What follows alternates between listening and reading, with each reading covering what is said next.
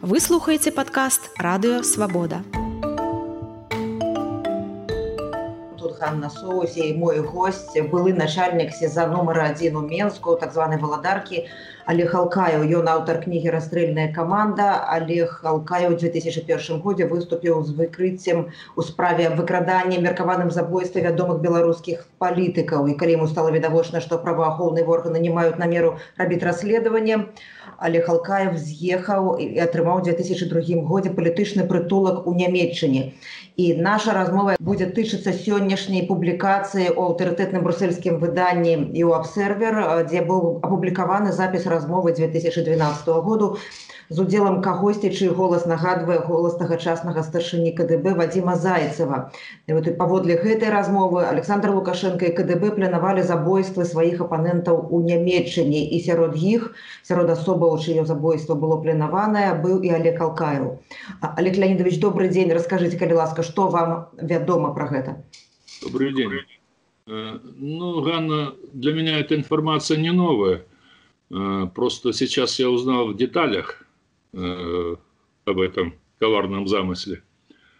А в 2012 году меня персонально предупредила э, комиссар полиции, женщина, кстати, комиссар полиции Берлина, о том, что планируется мое забойство, но без всяких деталей. Просто они взяли меня под охрану, сказали, что мы обязаны обеспечить вашу охрану. И я попросил, чтобы это было только негласно. Ну, без всяких там откровенных полицейских э, участков там возле дома или полицейских постов. Вот. Я знал, что есть люди, которые работают над этим, в частности, Игоря Макара. Вот. Ну, в деталях я не был знаком, в общих чертах, да. Ну вот ему удалось, большое ему спасибо, удалось э, пролить свет на эту, скажем так, тайну. Э, и надеюсь, что все-таки реакция общественности будет соответствующая. Потому что все время за, у нас глава республики находился за кадром. Он не ведая, он не знает, его всю жизнь обманывали. Сегодня вот поступила информация, которая позволяет сомневаться в его искренности, потому что КГБ действует только если милиция действует хотя бы где-то в интересах народа, да, то КГБ только в интересах правящей элиты, а конкретно первого лица государства. Вот. Скажите, калі ласка, а, ці тады вам нямецкая паліцыя патлумачыла нейкія дэталі гэтага магчымага нападу і той небяспекі, якая вам была. А, ці яны сказалі, што гэта з боку Беларусі, якіх асобаў з боку Беларусі? Нет, нет, ну немецкая полиция устроена очень просто, без лишних сантиментов, без лишних слов. Вам угрожает опасность, мы обязаны вас охранять. И як долго вас оховывали? Они меня, я не знаю, я, я отказался от персональной охраны. Я же не президент, не премьер-министр. Зачем мне нужен полицейский, там где-то пост какой-то. Хотя об этом шел разговор, но это мне не нужно было. Это ж мешает жить.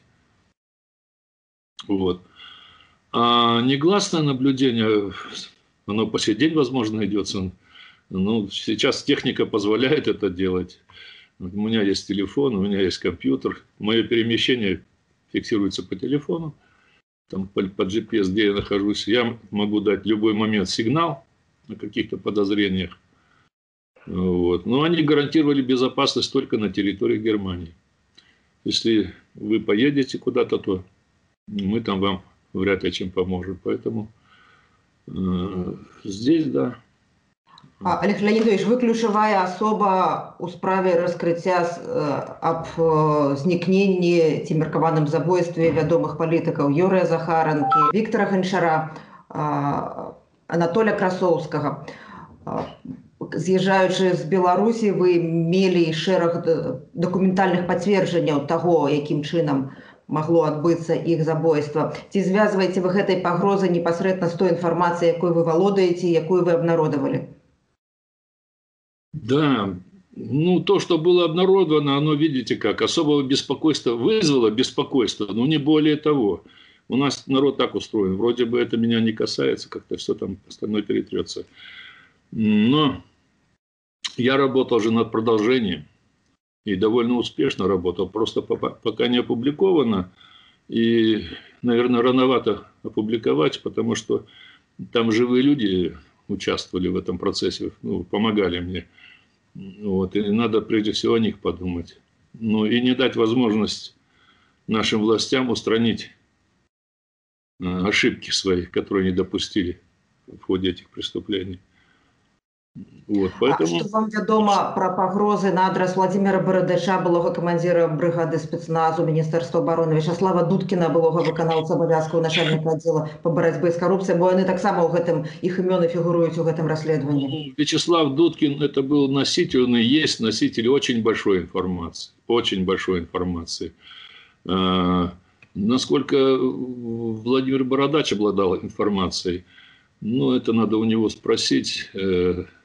что-то он рассказывал там то про кассету э, с записями казни Захаренко.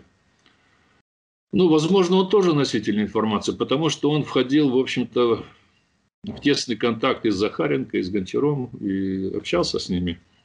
Э, понятно, что э, если уж это частым гребешком это подметать все, то там еще, еще много кого можно туда, в этот список включить. Вот. А Шеремет, он был вот сегодня, и, вернее, вчера там вопрос коснулся там о переиздании книги моей. У нас был замысел Шереметом переиздать, и мы работали над продолжением. Вот. И, э, ну, он со своей стороны работал, в общем-то, помогал. Я со своей стороны, я собирал информацию, писал ее, он редактировал. Вот. Э, по, по, но по замыслу у нас должно быть выйти второе издание книги, но не вышло. Я нагадаю, что Павел Шарамет был редактором вашей книги «Расстрельная команда», так? Да, он и издатель.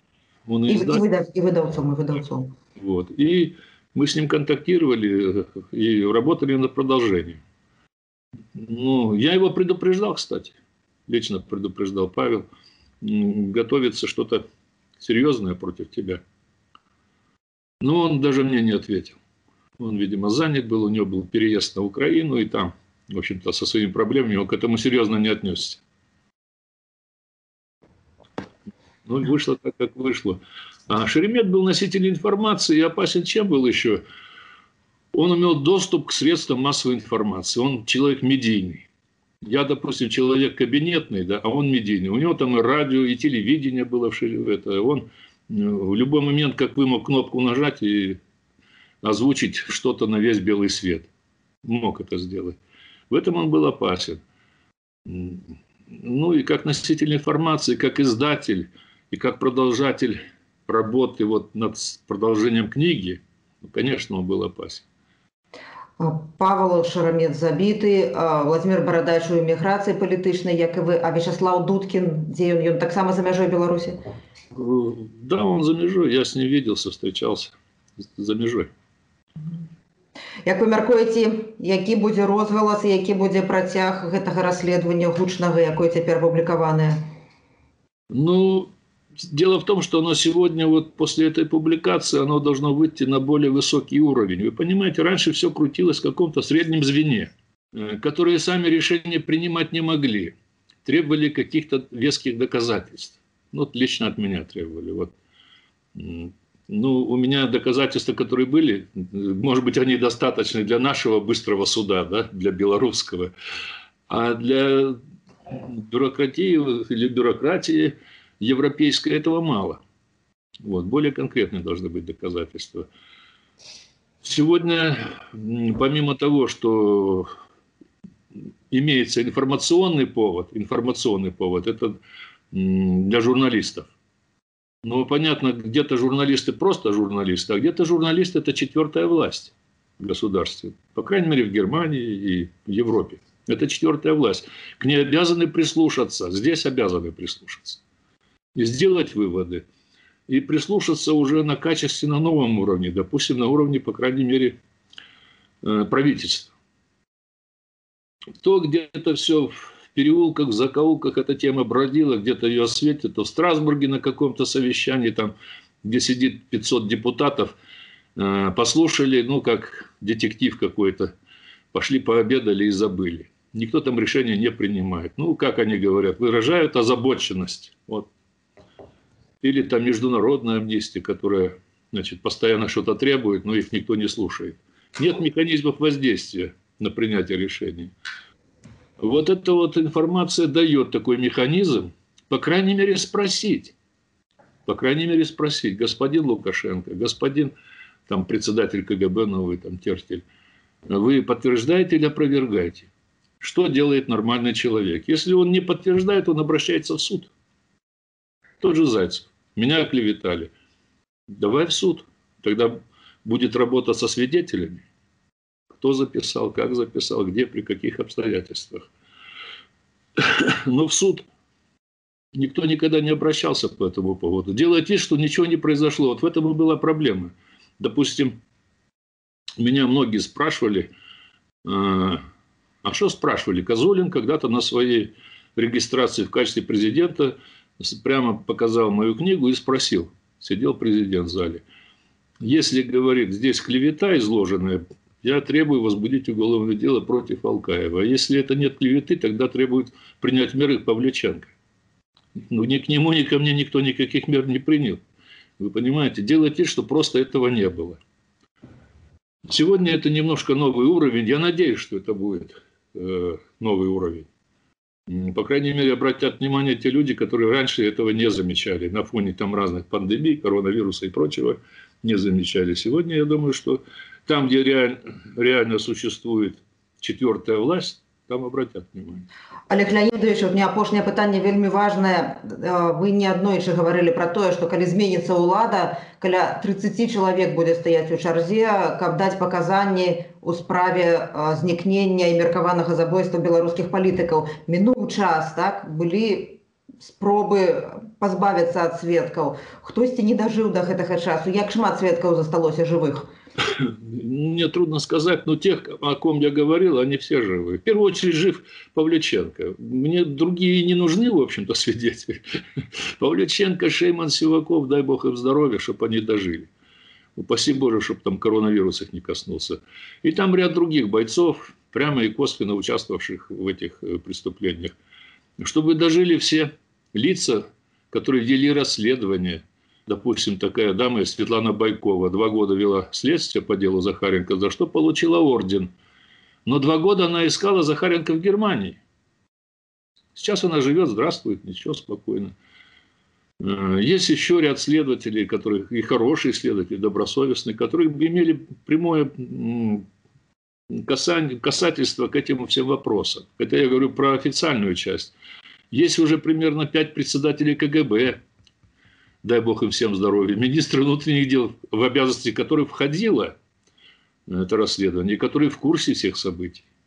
Вот эти свидетели, а зачем другие-то нужны? Ну, как бы, зачем мне нужен прапорщик, который копал могилу и закапывал? Он и так э, за свое ответит.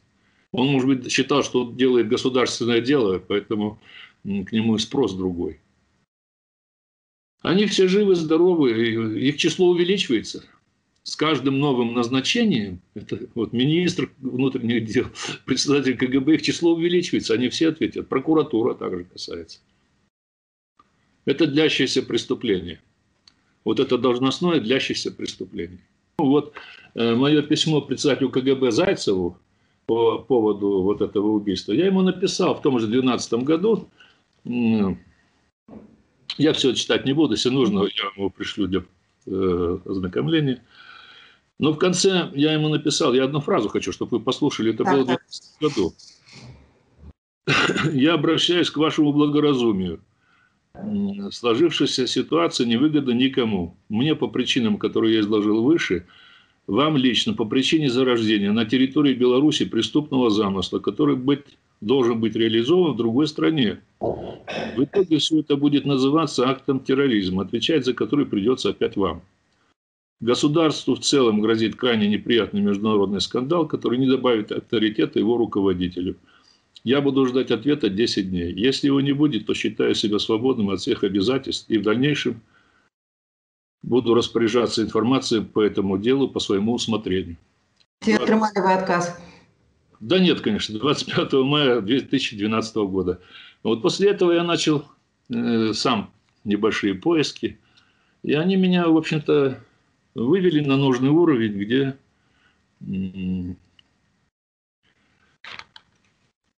я уже нашел подтверждение из других источников, а потом уже вот сегодня эти источники вышли официально. Прошло много лет, 8 лет прошло. Но в то время я написал ему.